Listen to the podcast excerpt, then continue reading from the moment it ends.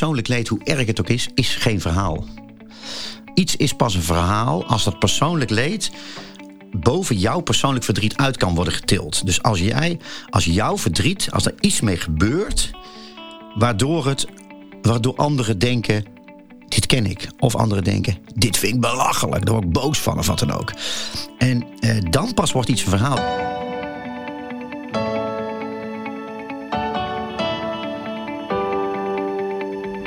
Yes, welkom bij Make, de podcast voor makers. Mijn naam is Chris en deze week spreek ik voor het allereerst met een echte schrijver. En die schrijver is niemand minder dan Kluun. Een Brabander met een bijzonder levenspad.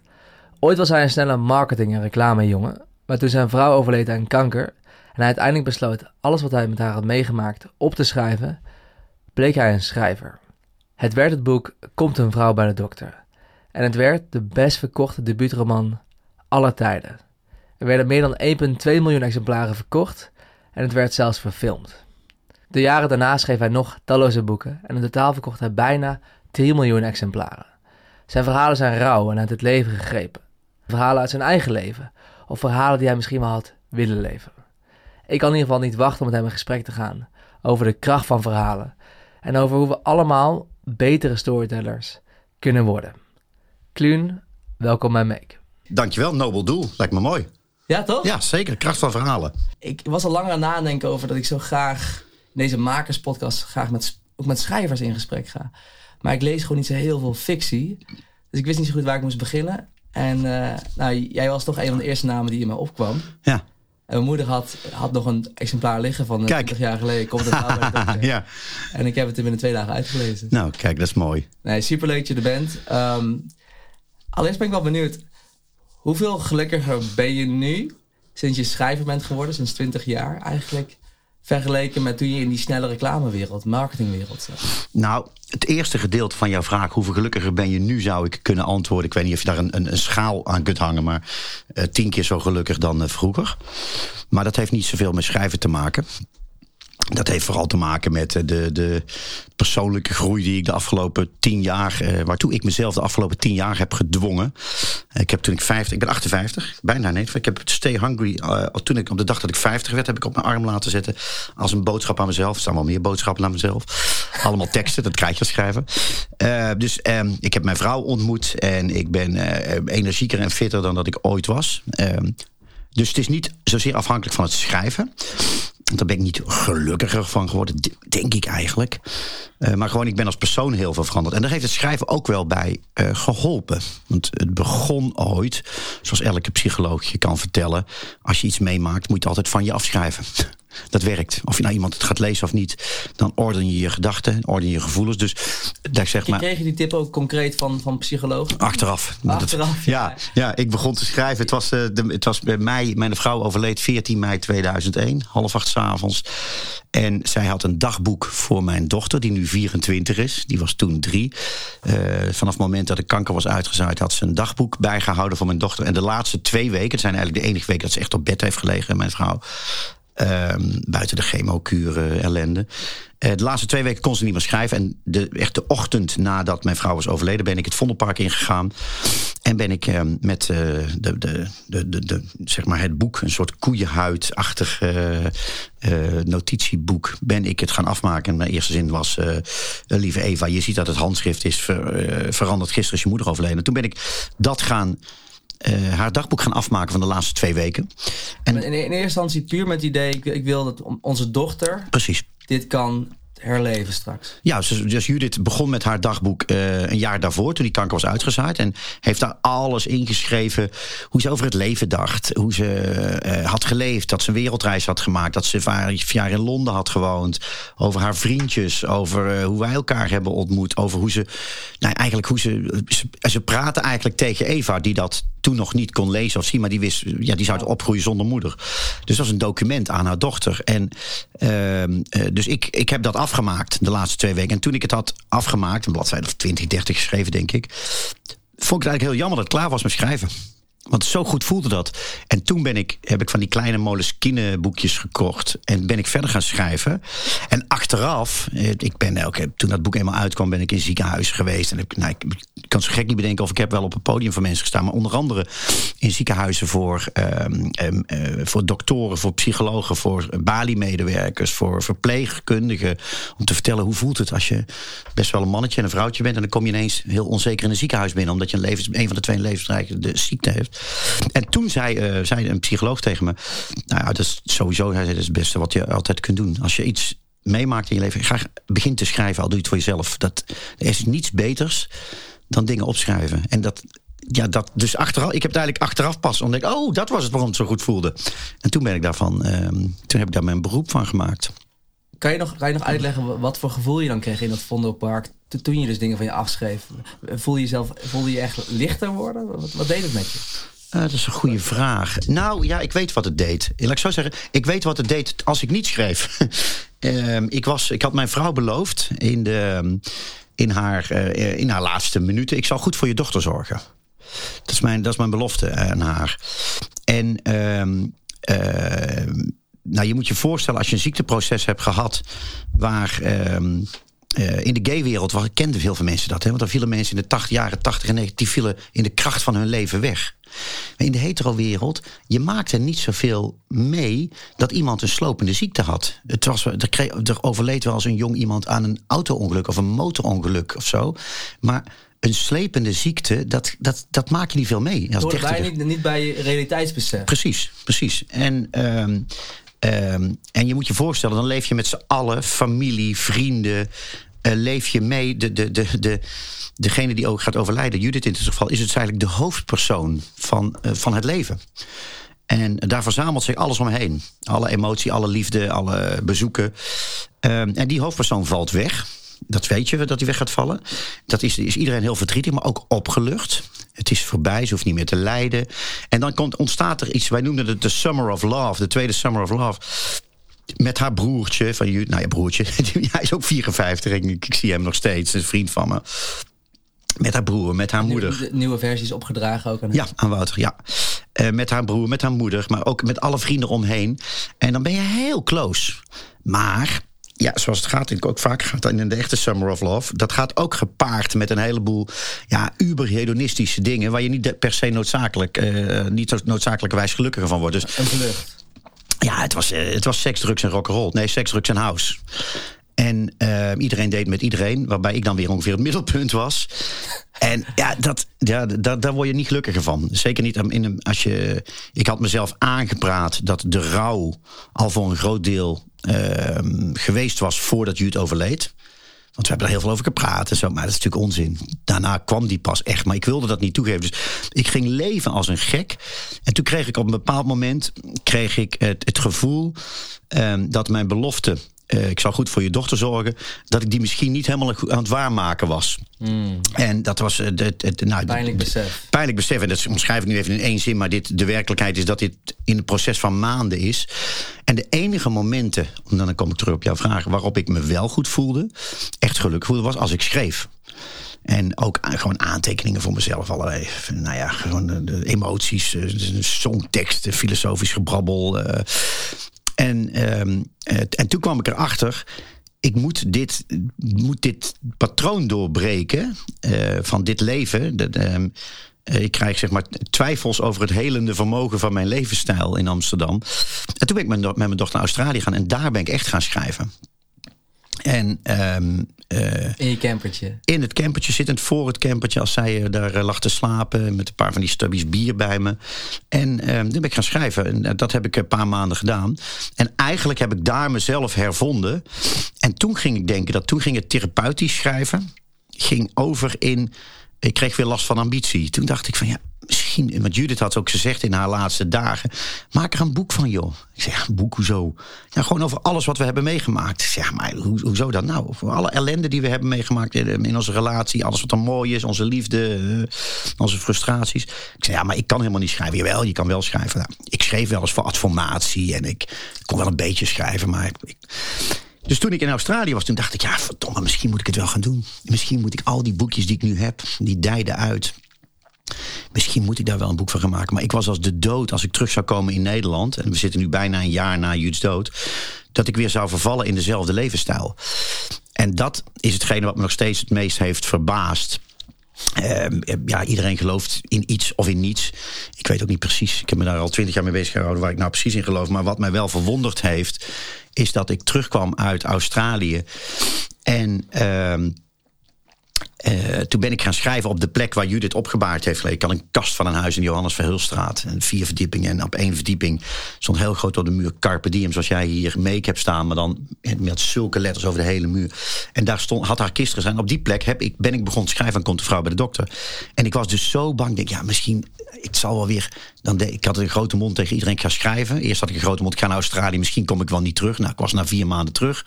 Toen had ik een grote mond. Ik ga een boek schrijven. En ik iedereen, ah, ah, tuurlijk. Mijn bankman die was ook een beetje zenuwachtig aan het worden. Want uh, kun, kun, je niet beter in de marketing of reclame gaan werken? Want, want even uh, voor de tijdlijn. Voordat je naar Australië ging, had je ook je bedrijf verkocht. Je ja, marketingbedrijf. ja, ik had het uh, verkocht. En dat was niet een, een, mega succes. Maar gewoon, ik had een, nou, een guldens, een ton. Oh. dus dat was eigenlijk... Leuk jaar. jaar ik, kon een, ik kon een jaar niet werken, le lezen. Of ik kon een jaar niet werken, ik kon gaan reizen. En ik kon nog een jaar, een, een dik half jaar veroorloven om geen geld te verdienen. Um, ik zou zeggen een ton van de mensen, is veel. Maar het waren A, guldens en B, had ik een dochter en een groot huis. En een, ik, Gaat hard. Ja, en ik, sowieso, ik hou wel van leuke dingen doen ook en zo. Dus, oh, ja. um, dus toen ben, ik, en toen ben ik gaan schrijven. En en toen dat bijna af was, toen, uh, ik heb ook nog wat geld van vrienden geleend. Ik heb bedragen die Judith en ik aan vrienden hadden geleend. Heb, heb ik toen teruggevraagd. Joh, ik heb, tien, ik heb nog net weer. stond daar weer 10.000 schulden. Daar weer, kon, ik weer twee, drie maanden vooruit. En toen kwam het boek uit en uh, werd, uh, werd langzaam een succes. Maar het meest wat me verwonderde, is dat ik daar waar ik dacht ik ga de zelfdiscipline natuurlijk niet kunnen opbrengen. Om dat boek, dat denk ik nu wel, maar dat gaat niet lukken. Ja, het was een explosie van uh, creativiteit en ook uh, de, de, dedication en passie. Um, en daar vind ik nog, ben, ben ik nog altijd waar die explosie. Het was alsof je voor het eerst, weet ik veel, um, uh, als je rapper bent, voor het eerst rappen ontdekt. Van hè? Dit kan ook. Heb ik of, een stem? Of voor het eerst seks ontdekt. Of snowboarden. Of wat dan ook. Neem je grootste passie en bedenk het moment waarop je ontdekte: wat? Dit bestaat. Nou, dat had ik dus met schrijven ineens. En ik was hele dagen aan het schrijven, schrijven, schrijven, schrijven. Tot het boek klaar was. Nee, tenminste, het was 160.000 woorden uiteindelijk. Eh, dankzij een goede redacteur uh, heb ik de lezer bespaard. Alle 80.000 woorden hebben eruit gegooid. Die allerlei filosofische debutantengebrabbel. Maar het was uh, die, die explosie van creativiteit, concentratie... die heeft me nog altijd verbaasd. Waar dat, waar dat vandaan kwam. En um, ja, dat kun je heel spiritueel zien. Je wordt erbij geholpen. Of gewoon, je wilde eindelijk eens een keer echt iets doen. Ik, ik weet het nog steeds niet, maar ik heb me er wel aan gelaafd. En het was er, ja, ja, zeker.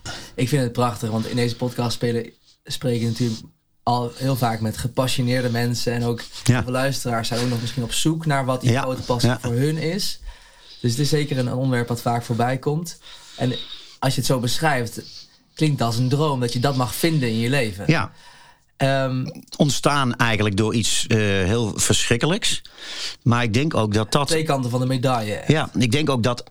Um, ik heb een hele mooie uitspraak ooit gehoord. Als het uh, app is in je leven, is het goed strandjutten. Um, dan ga je jezelf naar boven halen. En ik denk, kijk, je kunt. Um, nou, dat, dat wil ik eigenlijk vragen. Wat, wat, was er voor, wat was er voor jou nodig dat die, plas, dat die passie zich bloot kon geven? Nou, ik denk dat die passie er nooit was geweest als uh, Judith niet ziek was geworden en niet was overleden. Ik denk dat ik dan. Omdat, nu... je, omdat je eindelijk misschien echt naar jezelf bent gaan kijken ja, toen? Ja, ja. Ben je daardoor, daardoor pas echt naar binnen gegaan? Uh, dat was de eerste periode waar ik uh, echt naar binnen ben gegaan, ja. En um, boeddhisten zeggen. Um, er is geen snellere manier om te groeien dan het meemaken van een vredig stervensproces. Niet een afschuwelijke dood met veel pijn, maar het stervensproces was vredig. En dankzij de, ja, en dankzij de, de Nederlandse euthanasiewetgeving, zij gleed letterlijk met een glimlach de dood in. En uh, ik, ik, was bij, ik ben bij de geboorte van mijn drie dochters geweest. En bij haar dood was ik als enige. Ik vond hem even ontroerend als de geboorte van mijn dochters. En uh, ik wil niet morgen dood hoor, begrijp me niet verkeerd. Maar dat was zo mooi. En dat is zoveel, heeft zoveel met mij gedaan. En ook het proces daarvoor. En ook alle stomme dingen die ik heb gedaan. Dus het was echt, dit is de periode in mijn leven geweest. Mijn eerste groeiperiode. En ja, ik denk de tweede, die is de laatste tien jaar of zo gekomen. En daardoor ben ik ook echt veel gelukkiger geworden. Uh, maar ik denk dus daardoor is heel veel creativiteit komt ook voort uit verlies. Hè? Natuurlijk, de mooiste boeken worden geschreven over liefde maar vaak over het verlies van liefde en dood. Nummers ook. nummers ook. Kijk naar dat, nou ja, goed, of het nou, uh, of nou Tupac is, of Nick Cave, of Springsteen, of wat dan ook. Of mooie Nederlands. De mooiste liedjes komen uit, voort uit, uit verdriet of uit verlies. Dus, hoe, kan dat, dat, we zoveel, dat er zoveel schoonheid wordt geboren uit pijn? Omdat je dan pas naar binnen durft en wil kijken. Anders dan doe je het niet. Als alles goed gaat, dan wil je toch alleen maar lol hebben. En, maar lol is hartstikke leuk. Maar schoonheid en echte creativiteit komt zelden voor uit lol. Nou ja, onzin, niet zelden. Maar vaker komt hij voor uit ellende. Ja. Helaas. en wat, wat, waar ik ook heel benieuwd naar ben is... Ik denk dat die mensen naar luisteren... die misschien ook wel eens hebben nagedacht over... dat boek wat ze ooit willen schrijven. Of, dat verhaal wat ze ooit willen vertellen. Van, ja. Maar ik denk dat heel veel mensen ook een soort stemmetje in hun hoofd hebben van... ja, is mijn verhaal wel boeiend genoeg. Dat snap ik. Ehm, en eigenlijk gewoon misschien wel nooit de stap durven maken om een poging te doen om dat boek te schrijven. Ja. Ik, heb het, ik heb zo vaak in mijn leven gehoord dat ik het voorbij ga ja. sprak en zei van. Oh, ik, ik, ik, zou, ik zou er een boek over kunnen schrijven. Ja, die dat ga ik nooit gaan doen. Ja. Kijk, jij had natuurlijk een heel bijzonder verhaal. Maar wanneer, hoe ging jij om met al die stemmetjes in mijn hoofd van, kan ik dit wel? Want je had het ook nog nooit gedaan. Nee, nou, dat, dat, um, dit, is een, dit is een wolk van vragen, maar een hele interessante wolk. Uh, en ik kan me voorstellen dat kijkers van jouw, van jouw podcast dat dit hè, makers of aankomende makers of wannabe makers van wat dan ook, dat die hiermee kampen. Hoe ik ermee omging was het volgende. Ik begon therapeutisch. Ja. Daarna schreef ik die boekjes. Ik had altijd een aantekeningenboekje bij me. Altijd in de maanden na dood. En zeker in Australië. Ik schreef, deed niks anders dan schrijf, schrijf, schrijven. En um, ik weet nog dat ik dacht inderdaad letterlijk... ja, maar als ik er nou een boek van ga maken... ja, ik, ik kan ik wel schrijven... En wie wil dat nou lezen? Want ik leer in mijn workshops, die, in mijn workshop behandel ik deze vraag. En onder andere, um, een van de quick wins in mijn workshop van drie uur, uh, die ik geef, is um, uh, persoonlijk leed uh, herkennen we allemaal in een of andere vorm. Je komt, je komt het allemaal tegen in je leven. Ontkomen daar niet aan. Nee, en dat kan uh, liefdesverdriet zijn, dat kan de dood van geliefde zijn. Het kan een, uh, een ziekte, een ongeluk zijn. Je kunt morgen gehandicapt raken, je kunt depressies krijgen. Het zijn allemaal dingen die hebben we niet onder controle. Of althans, we kunnen ze niet veranderen. Dus, maar persoonlijk leed, hoe erg het ook is, is geen verhaal. hoe erg het ook is. Um, Op zichzelf staan. Nee, dat is, dat is een, een, een, een Iets is pas een verhaal als dat persoonlijk leed boven jouw persoonlijk verdriet uit kan worden getild. Dus als jij, als jouw verdriet, als er iets mee gebeurt, waardoor het, waardoor anderen denken, dit ken ik. Of anderen denken, dit vind ik belachelijk. Daar word ik boos van of wat dan ook. En eh, dan pas wordt iets een verhaal. Dus dit is altijd heel tragisch. Ik, elke uitgever, maar ik ook, krijg echt ja, ik denk wekelijks wel een, een, een Instagrammetje of een uh, Facebookbericht of LinkedIn of uh, ook op TikTok nu. Kluun, ik heb uh, iets heel ergs meegemaakt. Mijn, nou ja, noem ik maar, mijn zoon is overleden. Of mijn broertje is overleden. Mijn vriendin is overleden. En ik wil daarover schrijven. Um, dan zeg ik altijd, ja, dat, dat moet je zeker doen. Dat is goed voor je. Schrijven is goed voor je, we het net over hadden.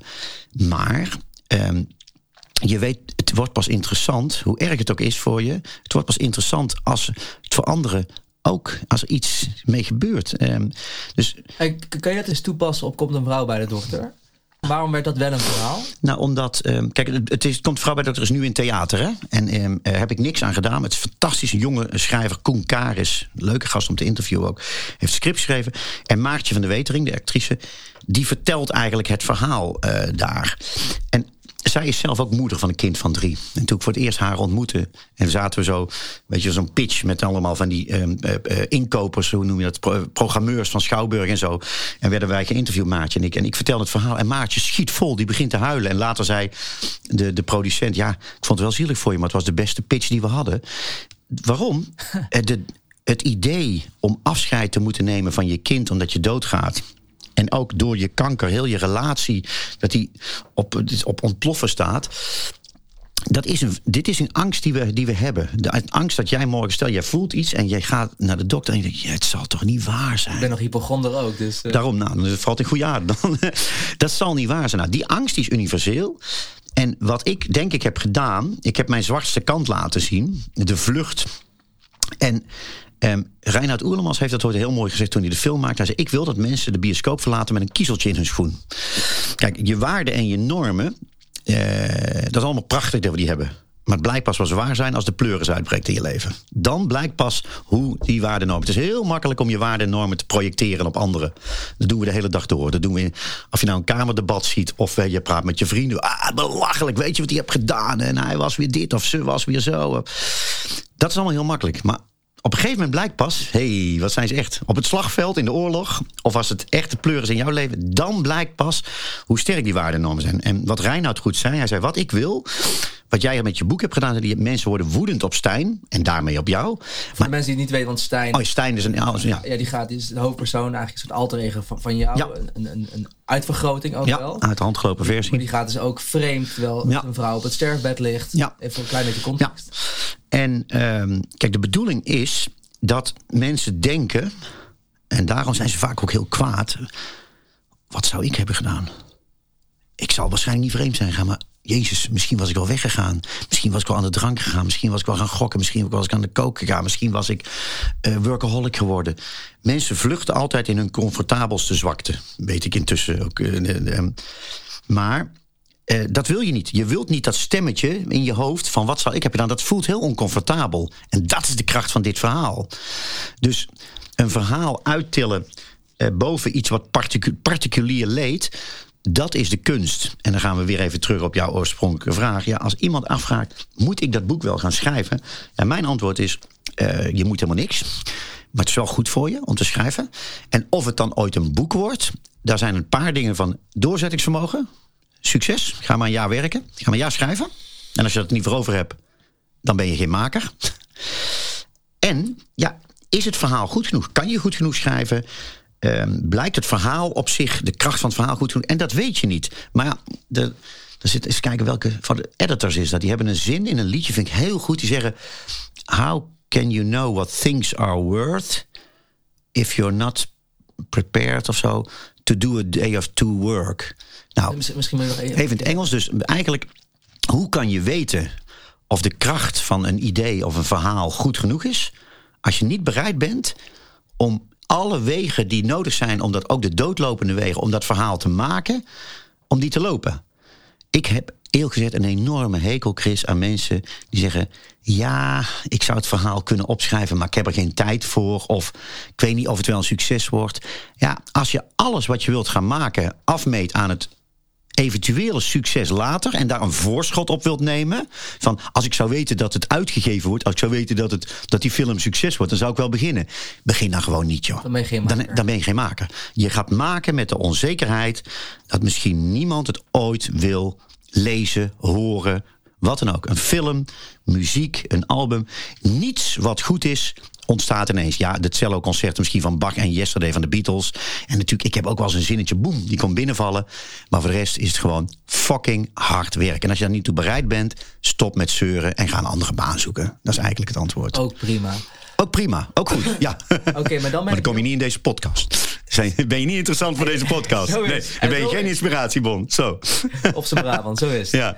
Hey, maar dan ben ik wel benieuwd hoe jij daarmee omgaat nadat je groot succes hebt gehad. Ja. Want je werd natuurlijk totaal overvallen door uiteindelijk het succes van Komt de Vrouw bij de Dokter. Ja, en ook de... En ook de aanname, maar dat, dat moet. Zeker, maar ook de, de, de, de kritiek en de commotie en zo. In de literaire wereld werd het zeker niet goed ontvangen. Nee, maar iedereen vond ook ineens iets van mij. Ik bedoel, je wordt... Kijk, je hoeft niet een groot uh, denker te zijn om te weten als je een verhaal schrijft over vreemdgaan terwijl je vrouw kanker heeft, dat je daar niet populair van wordt. Dat, is, dat weet je. Hoe, hoe, hoe, misschien weer even terug dan hierheen. Hoe, hoeveel schaamte heb je daar in gevoeld? Want je, je ging inderdaad je, je zwarte bladzijde delen. Ja. Hoe kwetsbaar voelde je toen? Of vond je, ja? Nou, ik schrok. Kijk, weet je, ik was 36. Ik uh, uh, was niet mega succesvol, maar gewoon had een succesvol bedrijfje.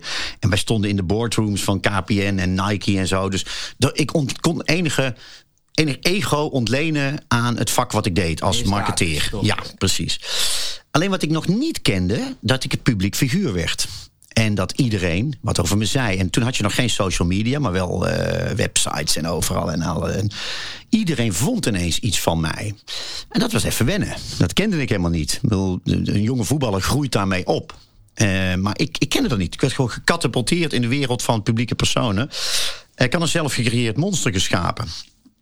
Zou je dan kunnen stellen dat je eigenlijk naïef was tijdens het schrijven bijna? Dat je daar niet eens Ja, over gelukkig nadacht? wel. Ja, gelukkig wel. Gelukkig wel, want anders, Want anders had ik hem misschien niet geschreven. Anders had ik misschien... Kijk, toen ik achter mijn tweedehands PC van de PC-dokter op de, de, de Overtoom... zo'n bakbeest van een, van een PC... daarachter zat te Echt schrijven. Echt lang geleden. Toen ik daarachter zat te schrijven, wist ik niet... dat dat boek later 1,2 miljoen, 30 talen, film, theater... Misschien is dat maar goed ook. Ehm, ik wist wel dat als het uitgegeven zou worden, en dat dacht ik wel, daar ging ik helemaal voor, dat het stof zou doen opwaaien. Maar ik meen dat ik, ik had een, zo'n marketingdoelstelling voor mezelf van, ik wil bij de drie best verkochte debuten van dat jaar. Het moet er wel toe doen. Ik ga niet spielerij. Ik ga niet eh, twee jaar lopen werken eh, voor, voor, een, eh, voor 500 verkochte exemplaren aan vrienden, bekenden en mensen in de grachtengordel. Daar had ik geen zin in. Daar was je te trots voor. Nee, ja, als ik iets doe, dan moet het wel goed zijn. Dat had ik ook wel vroeger in de marketingwereld. Ja, het moet geen flauwekul, weet je. Moet wel, dat eh, jou zo zie, dan ja, geloof gewoon, eh, moet er wel toe doen. En, ehm, dus, maar ik wist niet dat het dat zou worden. Dus het, ja, het, het, het- er gebeurde zoveel omheen.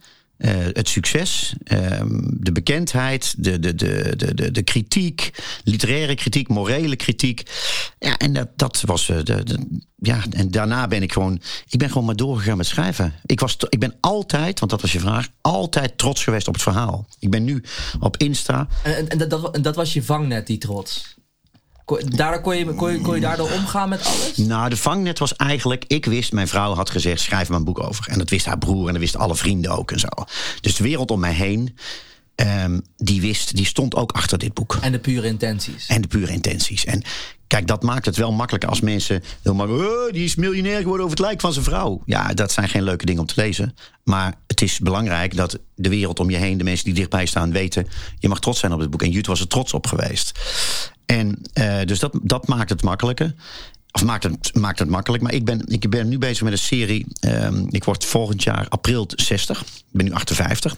Zo. En ik ben ehm, gaan schrijven 60 Things I've Learned. En ik ben drie weken geleden begonnen. En hij is klaar op 17 april 2024. Op de dag dat ik 60 word, heb ik die 60 dingen geschreven. Ik ben nu aan de derde bezig. En een van die. De derde les. Ja, ik ben het, nou, het zijn geen lessen. Het zijn mijmeringen. Ik vertel mezelf, dit is wat ik geleerd heb. En weet je, dan mag je me doen wat je wil. Je mag het lezen, je mag het onflauwekul. Maar het is geen, ik, ga, ik heb een hekel aan mensen die vertellen hoe de wereld in elkaar zit. Ik heb gewoon, dit is wat ik geleerd heb. Wat is die derde en, een, mijmering? en een van die mijmeringen was eigenlijk... ehm, eh, dat mensen mij vaak vroegen, schaam je niet voor het verhaal? Nee, nooit. Ik ben altijd trots geweest op het verhaal. Ik wil niet zeggen dat ik trots ben geweest op mezelf. Maar ik ben er wel trots op dat ik mijn zwarte kant heb durven, ehm, eh, heb, leer, heb durven leren kennen. En ook publiek heb gemaakt. En ik ben trots op het verhaal. En dat ben ik altijd geweest. Dus ik heb nooit, eh, al vond ik het niet altijd leuk wat men zei of schreef. Ik, bedoel, ik ben ook een mens en ik ben ook kwetsbaar. En ook, al vond ik het theaterstuk weer toen ik het script las van Koen Karis. Ik was notabene op huwelijksreis met mijn vrouw. Toen las ik dat script, ik teruggecatapulteerd naar een versie van mezelf van 25 jaar geleden. Die ik niet noodzakelijkerwijs prettig vond. Maar ik denk, ja, toch, dit moet. Dit verhaal is goed. Hij schrijft het goed. Oké, dan gaan we er nog maar een keer in. Dan komt Stijn maar weer in volle glorie naar boven. En eh, nou ja, dat in de, de première bij de Nieuwe Lamar zat 700 man te snikken. Ze hebben allemaal vier sterren recensies gehad. Daar ben ik echt heel blij voor de theatermakers. Ik heb er zelf niets aan gedaan.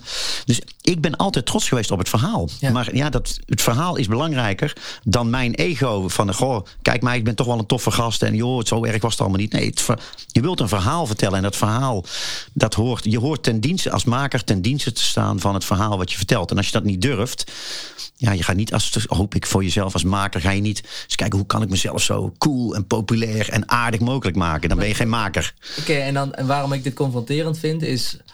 en dat is een, een, een reis die ik aan het maken ben, mee door deze podcast. Maar ik denk dat ik in mijn, mijn originele werk nog te veel bezig hou met, met pleasen. Ja. Nog te veel Ja. iedereen tevreden wil houden, wa- wa- waardoor ik misschien nooit echt de zwarte bladzijde of, of, of, het, of het echte verhaal opschrijven of laten zien in film of foto, whatever. En, en ik groei daarin, want ik, ik, ik hoor wat je zegt. Maar ik merk wel dat, dat daar een weerstand in voelt. Maar ja, dan, het goede nieuws is, Chris. ehm, je, kent, je kent het. De, je weet wat onbewust onbekwaam is. Ja, Nou, jij bent dus eh, eh, bewust onbekwaam nog. Dus je weet het al wel. Want je geeft zelf het antwoord. Dat Dit is het. Dit is stap. Je bent al, je bent al vooruit. En, eh, en dat is makkelijk gezegd. Ehm, eh, ehm, ik ben. Hoe oud ben jij? eh 29. 29. Dus ik ben een, eh, ongeveer een kwart eeuw ouder. Meer zelfs. Dubbele bijna. Dubbele bijna. en dit is ook niet makkelijk. En ehm, eh, ik denk er zijn een aantal momenten in je leven. Ehm, ik hoop voor de meeste mensen dat ze in hun leven zichzelf een aantal keer de discussie durven stellen. eh, psychologisch, moreel, eh, op alle creatief. Eh, maar het gaat niet vanzelf. En soms moet je dingen meemaken. Soms moet je gewoon ouder worden. Het, laat ik zeggen, het, kijk eens, de meeste makers van 20. Kijk, de, de Beatles en U2. Die begonnen ook gewoon een beetje om er zoveel mogelijk wijven te versieren. Dat zeggen ze ook. Dat was het, ja, natuurlijk. Daarom gingen ze op een podium staan. En ze waren gek van muziek. Maar je gaat niet op een podium staan als je geen ego hebt. Waarom zou je? Dan kun je ook gewoon eh, dingen en dan maak je het. eh.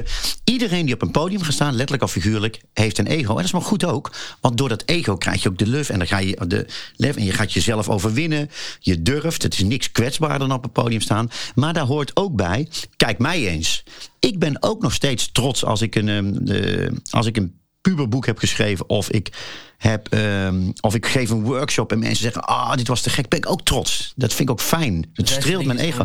bevestiging. Iedereen heeft bevestiging nodig. Ja misschien Boeddha niet eh, maar voor de rest heeft iedereen bevestiging nodig. Dat is ook niet erg want het geeft mij Eerzucht. Is een van mijn drijfveren. Ik wil laten zien dat ik de beste ben. Niet van de wereld, maar wel de beste van mezelf. Ik wil het beste uit mezelf halen. En daarvoor heb ik de bereidheid ook om ook mezelf te onderzoeken en zo. En dat, die stap is, dat, dat, dan krijg je echt iets moois. Dan wordt, komt het mooie naar boven. Dan komen de mooie films, liedjes en, eh, en Die de dingen kracht hebben om te raken. die de kracht hebben om te raken. En is, is, is die, die motivatie die jij voelt, en ook wat je op je arm hebt staan, stay hungry, is dat waarom het je lukt om ook na dat grote succes, dat je nu al twintig jaar schrijver bent en jezelf dagelijks uit bed weet te sleuren om weer te gaan schrijven of dingen te gaan doen met je leven? Nou ja, het is geen sleuren, want ik vind het heerlijk om dagelijks op te staan. En ik zeg ook, ik ben fitter dan ooit. Maar ik. ehm, nou, ehm, eh, ja, ik weet het niet. Kijk, waarom bijvoorbeeld ga ik uit? Waarom ga ik in op een uitnodiging eh, van jou? Dan denk ik van Jezus, die gast heeft passie en die vindt het leuk. En ik van wat leuk dat je een filmpje maakt, wat een leuke methode. Die heeft, die heeft nog niet. Dan kom ik. Nou, en ehm, ik krijg hier een heerlijk chocoladebroodje van jou. Maar ehm, eh, het is een uur dat ik niet aan het schrijven kan besteden. Het is een uur wat dat ik niet voor een of andere eh, vet betaalde klus kan optreden. Maar ik vind het ook leuk. En ik heb, dat vind ik ook een van de leuke dingen. Eh, ik vind het superleuk om creatief te zijn. Dan ben ik heel trots als ik iets gemaakt heb. En dat voelt echt heel erg lekker. En het creëren voelt lekker. Ik vind het heel leuk om mensen te kunnen, eh, iets te kunnen vertellen over mijn vak. Daarom geef ik die workshops en zo. Ik vind het leuk om op het podium te staan. Of nou is op socials of in het echt. En voor de rest kan ik doen wat ik wil. Ik kan, ehm, als, ik, als, als ik een leuke student, eh, als die een project heeft, zegt, ah, is goed, joh, dan zoomen we een half uur. Die, ik heb de vrijheid om alles te doen. En als ik morgen, eh, en, en als ik wil gaan eh, trainen vanmiddag, dan ga ik trainen. En als ik tegen mijn vrouw, zullen we lekker even gaan lunchen, het is lekker weer. Ik kan alles doen wat ik wil. Dus ja, en dat probeer ik mijn kinderen ook te leren. Dus het is niet sleuren. Het is een, ik, ik ben dankbaar elke dag dat ik, ehm, ja, dat ik dit kan doen en mag doen. En dat ik mezelf de vrijheid, ook financiële vrijheid, heb verworven. Om gewoon te doen wat ik wil. En tegen mensen die ik niet mag kunnen zeggen: ja, ik doe dit niet, want ik vind jou een pannenkoek. Doe ik niet. Ik, ik, ik, ik luister naar je en, en denk van deze. Zo zou ik ook in het leven willen staan als ik kijk naar mijn ambities versus de vrijheid die ik voel. ja. Ik heb ook een heel vrij leven. Want Ja, ik, ik zit hier op een eh, wat is woensdagochtend Ja, met jou te ja, te gek, man, ja. Straks In dan je zelfgemaakte studio, je eigen droom. Ja, echt. Ja. En straks doe ik dan nog een betaald klusje. Nou, dat is ook fijn, want dat betaalt dan weer de Zo is het. Ja. Maar, maar toch ga ik wel vaak door het leven met een soort onrust die ik voel van... eh, dat ik heel streng ben voor mezelf. En heel veel moed. En, en als, ik, als ik niet alles uit elke dag haal, dan, dan ben ik niet tevreden of zo. En met jou voel ik een, een soort gezondere balans tussen jezelf ook gewoon echt in het moment aanvoelen waar heb ik behoefte aan. Ja. En, en hoe wil ik mijn Ja. tijd verdelen. Is dat, is dat Maar je bent pas 29, hè? Dat is waar. Ben niet te streng. nee, Geniet er ook van die onrust. Want die, ook die onrust die ken jij ook. Zeker. Die, uh, ja, man. pff, financiële vrijheid, of iets meer financiële vrijheid daar ook aan bijgedragen? Dat je daarin meer vrijheid voelt? Bij mij wel, maar ik denk dat het voor iedereen anders is. Ik vind het altijd heel knap als ik bijvoorbeeld straatmuzikanten zie die, die, die geluk uitstralen. Dat je, eh, of iemand, mijn zus werkt in de verpleging. eh, die, heeft niet, ja, die verdient genoeg geld om lekker carnaval te vieren als Brabants. En die hebben een leuk huis in de Racehof in Tilburg en zo. Maar ja, die kan niet wat ik. eh, ik ben Springsteen-fan, er zal weinig mensen ontgaan zijn. Dus die kan niet zoals ik denken: oh, dan gaan we. Oké, ik ga naar Parijs en naar Barcelona. En dan ga ik misschien ook nog in Rome. Ja, ik vind, ik hou van. Ehm, niet zozeer van luxe. Ik heb geen dure dingen. Ik heb geen dure auto, geen dure horloges en zo. Maar ik hou wel van leuke dingen doen. Dus voor mij persoonlijk is financiële vrijheid belangrijk. Maar het hoeft niet. Ik vind het ook heel knap als je maker bent en je accepteert dat je iets maakt eh, waar niet eh, vet voor betaald wordt. Dat kan, dat kan ook. Dus Ja. dit, is, dit is puur persoonlijk, maar ik geloof niet dat financiële vrijheid eh, eh, belangrijk of doorslaggevend hoeft te zijn voor jouw eh, creatieve groeiproces. En innerlijke gemoedstoestand. Nee, geloof ik niet. Nee. Dat is voor iedereen anders. de vraag die ik eigenlijk eerder al stelde, maar toen gingen we weer een andere kant op. Wat ik heel mooi vond is dat je zei ehm, dat je nooit moet schrijven met het idee van wat het kan worden. Je moet schrijven omdat je dat voelt. Ja. Maar hoe ging je dan toch om? Ja, een bekende vraag die ik met veel makers bespreek. Maar hoe ga je er om met het vervolg? Want je hebt succes, je hebt jezelf daarmee overtroffen, misschien verbaasd. En daarna heb je nog twaalf boeken of zo geschreven. Ja. Heb jij de druk gevoeld om, Nee. om jezelf te evenaren? Of om je succes weer te evenaren? Nee, want dat kan niet. Kijk, komt de vrouw bij de dokter. Hè, je zei het in de inleiding: het is best eh, verkochte debuutroman alle tijden. Maar het is ook de best verkochte Nederlandse roman van de laatste 50 jaar. Alleen 50 Tinten Grijs. Er zijn ook een miljoen van verkocht in Nederland. Dat is niet Nederlands. Maar ehm, je, niemand gaat dat overtreffen. En ik zeker niet.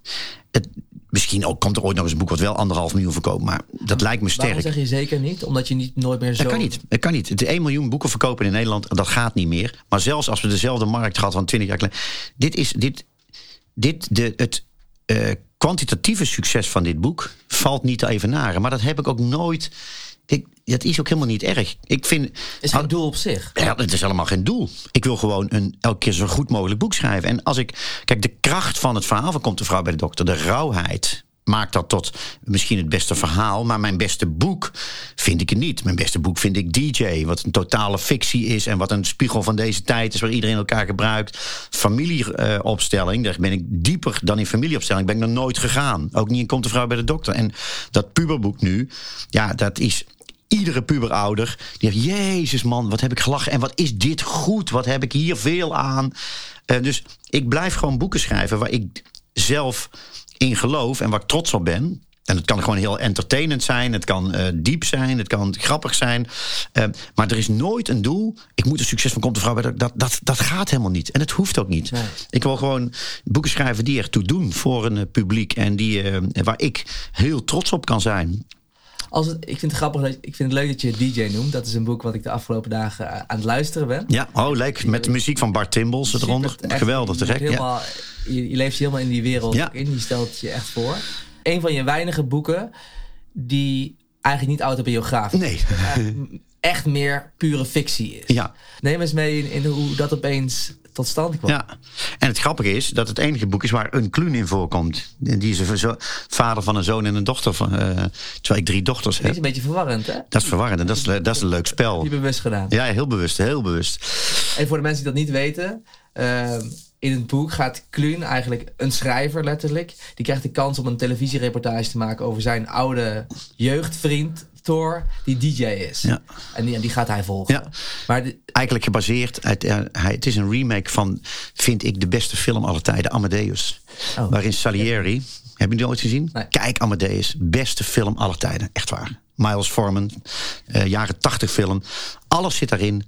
Eh, liefde, dood, verdriet, afgunst, creativiteit, commercie, kunst, alles. Alles van het leven van een kunstenaar of een maker zit in Amadeus. Nou, Vet. ik ben Salieri eh, in het boek en ik wil graag gebruik maken van Thor.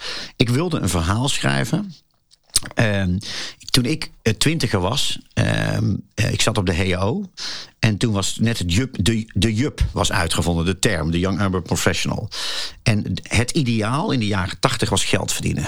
Films als Wall Street, boeken als uh, van Martin Amis, Bret Easton Ellis. Zoveel mogelijk geld verdienen, dat was het ideaal in de jaren tachtig. Twintigers kleden zich als oude lullen, met als stropdasjes en zo. En dat was echt... Nu is de, het is de, de, de new god uh, van de laatste tien jaar is roem en bekendheid. Iedereen wil zoveel mogelijk likes hebben. Ook mijn dochters. Als, die, als mijn dochter die doet edits op TikTok en die wil zoveel mogelijk likes hebben. En de, zelfs ik kijk van. Ik heb best wel boeken voor kunnen kijken. Oh, leuk, mijn post van vanochtend heeft uh, zoveel likes of zo. Online status. Hoe, hoe belachelijk eigenlijk. Je wilt dus continu bevestiging van de buitenwereld. Wauw, ben jij cool. Dat, en jij doet dat toe? Ik doe het ook. Ja, je doet dat toe. En, en ik doe er ook nog aan mee als 58-jarige sukkel. Moet je nagaan. Kun je nagaan. Nou, maar ik, wat ik wilde doen is een boek schrijven in een wereld waar iedereen uh, op zoek is naar uh, roem en bekendheid en zelfbevestiging. En daarvoor anderen ook gebruikt of misbruikt of wat dan ook. Nou, dat doet de Kluun in het boek. Die gaat gewoon zijn oude jeugdvriend. Uh, die gaat hij eigenlijk gebruiken om zelf hopelijk weer eens een keer succes te hebben. En dit, is, dit vind ik wel een spiegel van deze tijd. Ik wilde laten zien van eigenlijk. Um, bijna niets is echt op social media. Bijna niets is echt aan beroemdheden. En de mooiste Um, ja, de mooiste, de, de, het mooiste figuur die je daarvoor kunt eh, is een DJ. Waarvan niemand precies altijd weet van DJ. Wat doet hij nou echt of niet? He, als ik de filmpjes van Reinier Zonneveld zie, zou denk ik. Ik vind het altijd zo leuk. Maar wat doet hij nou echt en niet? Ja, waarschijnlijk wel, maar ik weet niet, we weten het niet zeker. En dat is wel, dat vind ik leuk. Dus soort de, de leegheid eigenlijk, uh, de kleren van de keizer, de leegheid van deze tijd. Uh, waarin we, of we nou mega beroemd zijn of gewoon vader of moeder van twee kinderen die weer eens heel cool staat te posten. Van kijk eens hoe leuk ik het heb met mijn kinderen. Terwijl je niet weet dat die kinderen misschien slaat is een half uur later alweer. Die leegheid, die wilde ik uh, in dit boek gooien. Dus dat was. Schijnheiligheid. Ook. De schijnheiligheid. En dat vond ik. Um, um, en dat vond ik heel leuk. En toen kreeg ik het als fonds van. Ja, ik denk, dan laat ik er gewoon een Kluun in spelen. En speel ik zo met dat image van Kluun. Dat niemand meer weet wat nou echt en niet echt is. En, en het... Zeker omdat je dus. Je staat bekend om je autobiografische boeken. Precies. Daardoor was een extra grote verwarring ook. Ja. Maar, en ik vond en het leuk. En het, oh ja, het basisidee voor dit boek kwam. Uh, dat was boem, zo'n idee die krijg je al toe binnen. Wat zou er nou gebeuren als je ochtends wakker wordt? En de hele wereld weet al iets over jou wat jij nog niet weet. Dat vond ik het gegeven. Dus in dit geval toch is beland in een seksschandaal. Um, en um, dit boek was voor de hele MeToo geschreven, maar het is gewoon een MeToo-boek. Gek, gek genoeg. Dat, het, het woord bestond nog niet eens MeToo. De, de, de hashtag bestond er niet. En toch beland in een seksschandaal met twee meisjes die duidelijk, en waarvan er één duidelijk minderjarig is, en ook nog eens onder invloed. En de, dat staat overal op de hele wereld online. En hij ontdekt het pas als hij wakker wordt. Nou, dat gegeven, dat vond ik heel spannend. Hoe zou dat dan zijn? Dus de, en dan, de, toen ben ik gaan schrijven. Kan letterlijk één zo'n grappige gedachte voor jou... kan een basis ja. zijn voor een heel boek? Ja. Dat vind ik zo leuk. Dus, dus dat is hoe ideeën dus werken. Het, ja. het, het, het, begint met een zaadje. Ja, en dan komt weer die zinnetje van de editors van eh, de, de band. En, maar je weet pas of het idee goed genoeg is. Als je alle wegen hebt herkend, her, uh, uh, hoe noem het, verkend. Ook de wegen die doodlopen. Soms is een dood. Inefficiëntie is inherent aan het creatieve proces. Je moet durven inefficiënt te zijn. Je moet, als jij een album maakt of een documentaire. Je moet al die uren hebben geschoten om dat ene uur over te houden. Je moet hebben gedaan. Je moet zes liedjes hebben gemaakt die niet op het album komen. Je moet honderd bladzijden hebben geschreven die niet in het boek komen. Maar je moet ook drie ideerichtingen hebben bedacht of on, on, uh, verkend. Waarvan je moet toegaan, shit, het was het niet. Ah, oh, ik heb drie maanden gewerkt. Er is geen shortcut. Er is geen shortcut. Van A naar B. Er is geen ik shortcut. Ik, ik, heb, ik, ben nu bezig om, om een studio iets meer make te maken. Ja. Het is een ander creatief, ook een creatief proces. Zeker. Dus ik wilde de vormen uit mijn huisstijl wilde ik op de achtergrond maken. Nou, ik had eigenlijk een lijn die helemaal doortrok. Ja. Dus heb ik heel veel tijd aan besteed. Ja. Lopen zagen, lopen, lopen Ja. verven. En ik plakte het op en ik zag het op beeld. En het, het was Het werkte niet. niet. En uiteindelijk heb ik nou, kleinere vormen gebruikt. Trial and error. Ja, en ik, en, absoluut. En ik, ik, ik, ik weet nog dat ik gefrustreerd was. Maar uiteindelijk het doorzoeken geeft uiteindelijk nog veel meer voldoening. En dat is wat jij zei, heel mooi Ja, zegt, denk ik. nou ja, en ik denk ook, ehm, tenminste, ja, voor- dus misschien voor elke maker anders, maar ik denk, eh, die doodlopende wegen waar die energie in zit, die zijn er niet voor niks. Je, je moest ze onderzoeken om te, denk, om te ontdekken wat wel goed is. En um, ja, dus mensen die. daarom vind ik. Je voelt het straks enige boosheid als mensen zeggen. Ja, maar ik weet niet of het een succes wordt. Ik krijg die vragen letterlijk, hè, drie, vier keer per week. Ja, zou jij dit stuk eens willen lezen? En kijken of het goed genoeg is om te verder gaan. Wacht even, ga gewoon zelf even twee jaar werken aan een boek en dan ontdek je wel of het goed genoeg is. Misbruik mij niet voor, om jouw uh, uh, behoefte aan, uh, om jouw luiheid te, te dingen. Nee, Ga het ontdekken en ga het zorgen. Bloed, zweet en tranen. En dan wordt het een succes. Of niet, welkom in de wereld. Maar, maar ga niet, uh, ja, wil je dit liedjes luisteren? Ja, is het al klaar? Nee, nee, maar ik wil eventjes checken. Want voordat ik echt mee verder ga, voordat ik er moeite in gesteken, wil ik even jouw mening hebben. Hou op, man. Het zijn eigenlijk dus mensen die dus op zoek zijn naar die shortcut. Precies. Ja. En dat is er niet. Hey, en, en leg me eens uit als verhalenverteller en schrijver hoe anders het voor jou is om een compleet nieuw verhaal te bedenken, te creëren, versus een verhaal te creëren op basis van je eigen ervaringen? Nou, ik ben eh, inderdaad, het meeste wat ik schrijf zit iets autobiografisch in. Of althans een, een interessegebied. Ik, uh, ik heb een uh, boek met uh, Hans van der Beek, met parooljournalist, geschreven. Top 100 van het Amsterdamse nachtleven alle tijden. Van Jap Roxy, Paradiso, nou ja, Barretje Hilton, tot noem maar op. En wat ik daar leuk aan vind, is dat er ooit een student komt over twintig jaar en die zegt: ik, wil een, een, een, ik moet even iets weten over de, de, de drugscultuur of de gaycultuur of de misdaad in het nacht. Oh, dan moet je het boek van Kluun en Hans van den Beek hebben. Dat, dat is mijn ambitie daarbij. Maar dat vind ik ook heel leuk om dan heel diep te gaan. En eigenlijk, ik hou van verhalen vertellen, maar eigenlijk de, het leukste vind ik als er iets waars in die verhalen zit. Dus of een boodschap, of iets wat ik zelf mee heb gemaakt. En ik noem dat het moet waarachtig zijn. Dus waarachtig in de zin van het moet echt uit mij zelf komen, uit mijn diepste. Maar het hoeft niet 100% waar te zijn. Ik mag het. Het is waarachtig. Dus zo zijn al mijn boeken. Komt de vrouw bij de dokter? Is niet helemaal zo gebeurd. Maar dat hoeft ook niet. Um, dus de meeste verhalen, eerlijk gezegd. DJ is een uitzondering. De meeste verhalen hebben wel te maken met iets, een levensfase waarin ik zit, of een extreme passie ergens voor heb.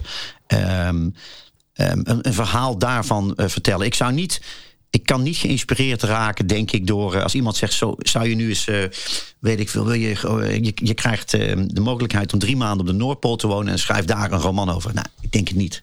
Maar over de DJ-wereld, de DJ-wereld heeft me altijd gefascineerd en ik ben gek op techno en het nachtleven, ja. Het nachtleven, dus inderdaad vond ik leuk om daarover te schrijven en mensen een kijkje daarin te geven. Maar echt een verhaal gebaseerd op. Maar ik denk dat, volgens mij heb jij dat ook niet, toch? Als jij een docu gaat maken, dan ga je toch ook een docu maken over iets wat je fascineert of intrigeert of wat dan ook? 100 procent. Ja, en, dus dat klinkt ook heel logisch. ja, toch? Ja. ik, ik ben gewoon ook even nieuwsgierig naar, naar jouw creatief proces van het, het vormgeven van die verhalen. Want als je kijkt naar DJ, maar ook, ook in je andere boeken, je moet personages bedenken. Die moet je uitwerken. Die, die moet je gaan, kleur gaan geven. Ja. ja, je ziet mij meteen opfleuren. Want dat is het leukste wat er is. Wat je dan eigenlijk, dat is het meest letterlijke van creëren. Als je kijkt van, uh, heb, je hebt geen kinderen nog? Nee, nog niet. Ik heb er drie.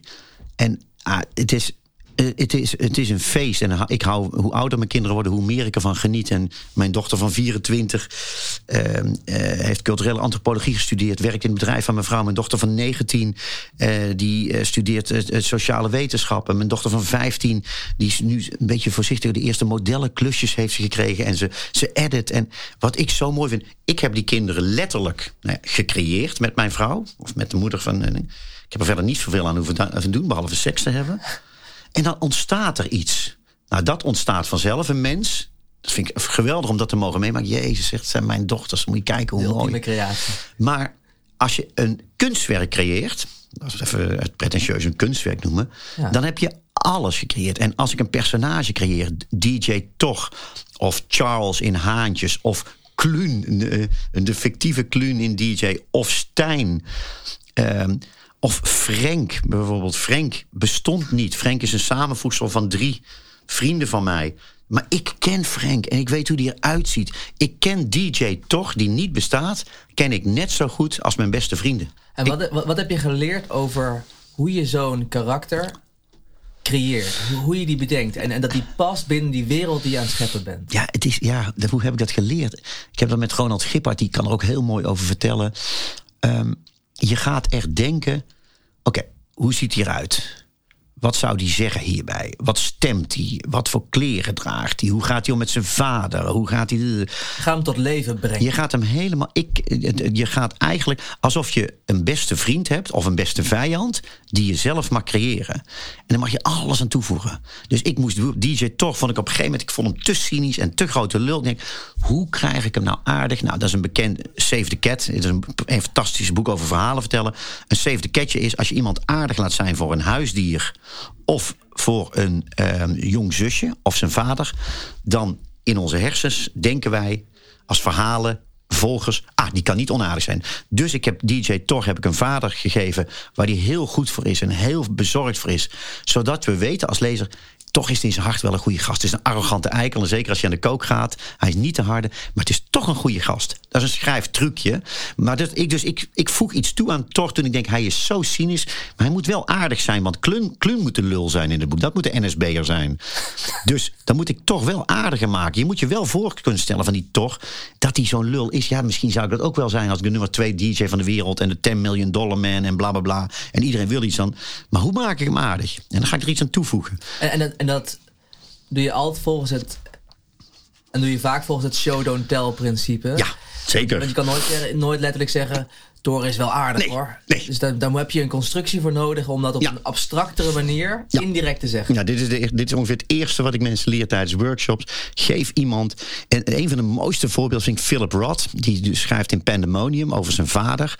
Bladzijde 2 zegt hij op een gegeven moment, hij haalt zijn vader op van een vliegveld in ergens in Amerika. En je weet in Amerika, je moet iedereen tippen, hè, want de, bijna alle beroepen leven van tips. Dus de waitress, de, de, de, de kruier, iedereen. Als je niet tipt, is ten eerste een enorme belediging.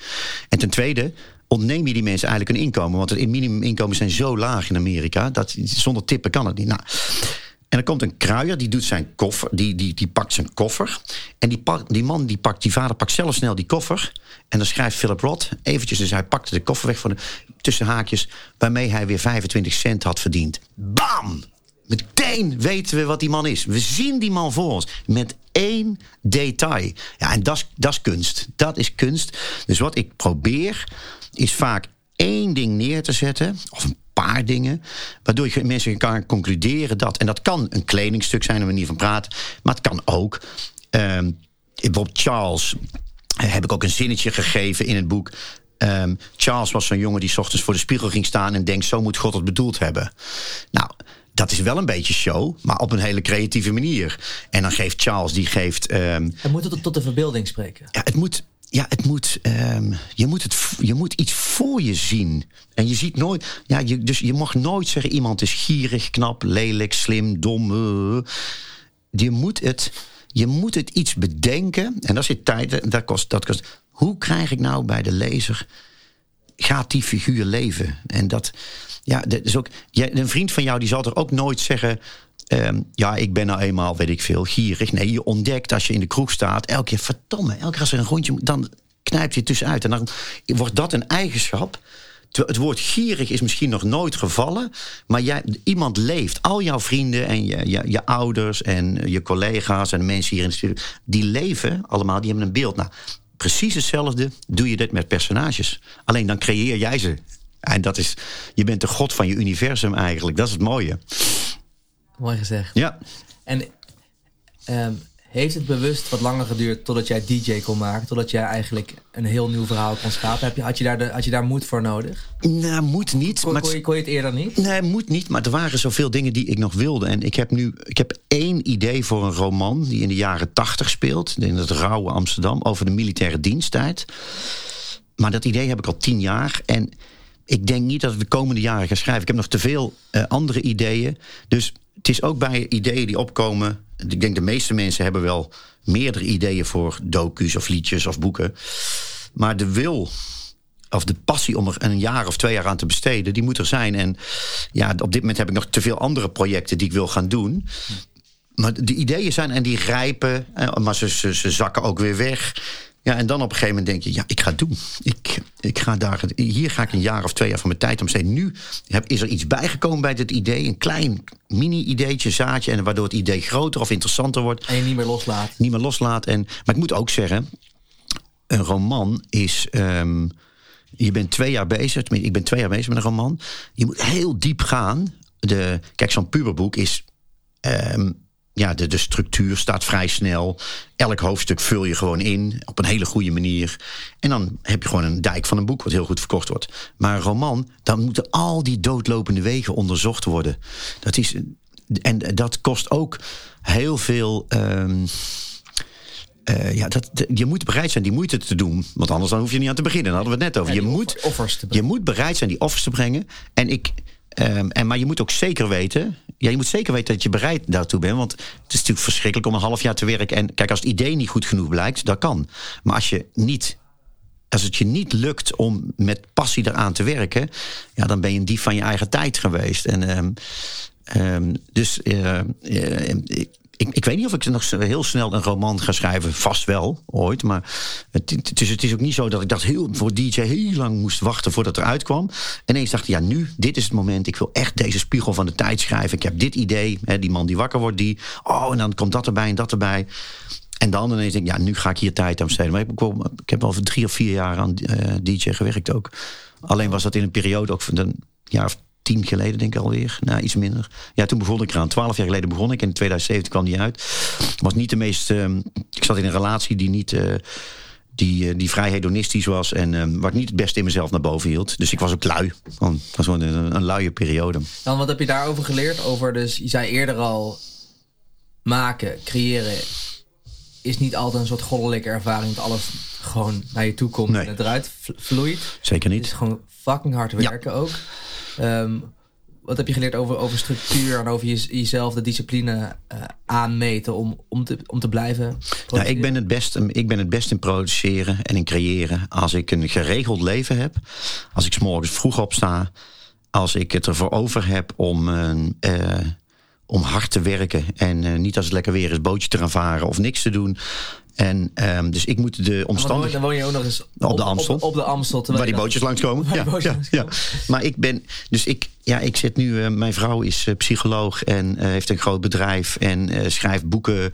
En is weer, die- ja, die, die, die- Dat helpt. dat helpt enorm. En Zo- zij, inspireert, zij inspireert mij enorm. Ultieme muze. Ja, en, en mijn vorige vriendin die was hartstikke lief, maar die inspireerde mij minder. Ehm, en dan, dat helpt bij mij. En, en ik, vind, ik, ben nu heel, ik ben heel trots op mezelf, op mijn eh, productiviteit en op mijn, eh, mijn eh, arbeidsethos. En, Is beter eh, dan ooit. ja, dat is beter dan ooit. Ja. En we hadden straks, ik, had, ik noemde straks een keer Springsteen. Dat is een van de redenen ook waarom ik Springsteen zo 73 en zo'n passie. En elk jaar er een album uit. En dan ook nog eens eventjes een Motown album maken. En op gaan treden. En 80 optredens door de hele wereld doen. En concerten van drie uur.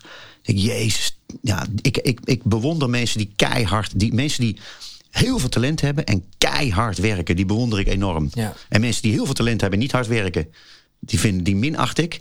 En mensen die hard werken en geen talent hebben, ja, daar heb ik mededogen mee. Maar ja, daar, daar kun je niet te veel tijd aan besteden. Dan denk ik van, nou leuk, leuk voor je hobby. Maar voor- hard werken en veel het beste uit je talent halen. En dat talent ook willen geven. Dit klinkt een beetje, oh, ehm, hoe noem je dat? Ehm, dit klinkt een beetje de, caritatief, maar ehm, gewoon, als je, ik, ik ben ervan overtuigd, als je talent hebt, dan moet je, eh, ja, dan moet je dat geven. En dan weer hetzelfde als jij, mijn zus die verpleegkundige is, dit is haar roeping. En zij geeft haar passie en liefde voor haar werk. Geeft aan al die patiënten elke dag. Nou, als je creatief bent, moet je dat geven. En kom ik toch nog even terug op die. We hadden het in het begin, want was ik vergeten. Toen ik in Australië was, toen dacht ik ook: wie ben ik om te denken dat dit boek ooit een succes werd? En toen kwam dat gedicht van Marion Williamson, wat ook wat eh, Nelson Mandela ooit met zijn inauguratie heeft verteld. If you allow yourself to shine, you allow other people to shine. Als jij op het podium durft te gaan staan, als, of je nou DJ bent of documentaire maker of schrijver, zijn er altijd mensen die denken: shit.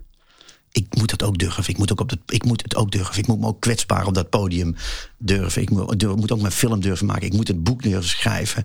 Dus je, je laat ook anderen zien. Als ik het kan, kan jij het ook. Maar dan moet je wel hard werken. En dan is het het waard.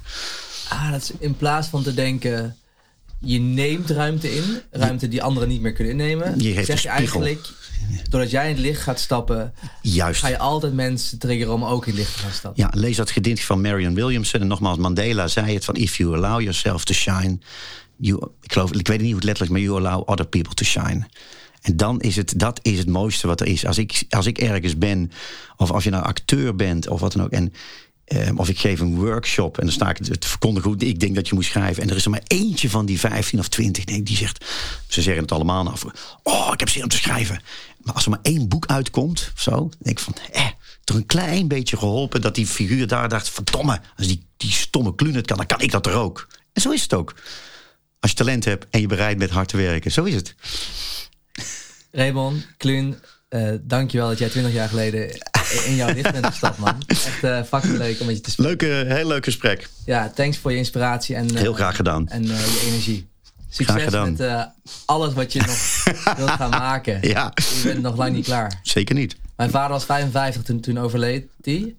Een eigenaar had een, een ondernemer was het. En hij zei eigenlijk dat hele jaar daarvoor nog. Hij overleed plotseling ik ben pas net begonnen. En, en die, die, die, voel ik bij jou ook. Ja. Nou, nou, dat is mooi als jij in zijn voetsporen kunt treden om uh, die creativiteit, om die, te, om die te maken. Zeker, want daar nou, ben ik mee bezig. En jij hebt daar een bijdrage voor geleverd. Dankjewel. Dankjewel. Tegen de kijkers en luisteraars wil ik ook zeggen, heel erg bedankt voor het kijken en luisteren. Super tof dat je erbij was. En uh, samen met mij ja, wil, wil luisteren naar het prachtige verhaal van Clean. Ik hoop dat hij jou ook geraakt heeft. En misschien wel dus geïnspireerd heeft om in dat licht te gaan stappen. En om al die dingen die in jouw hoofd zitten, die verhalen, om die te gaan durven maken. En uh, om daarvoor te gaan. Ik wens je heel veel succes daarmee. Ik hoop dat je mee blijft reizen in mijn creatieve zoektocht. En tot de volgende keer.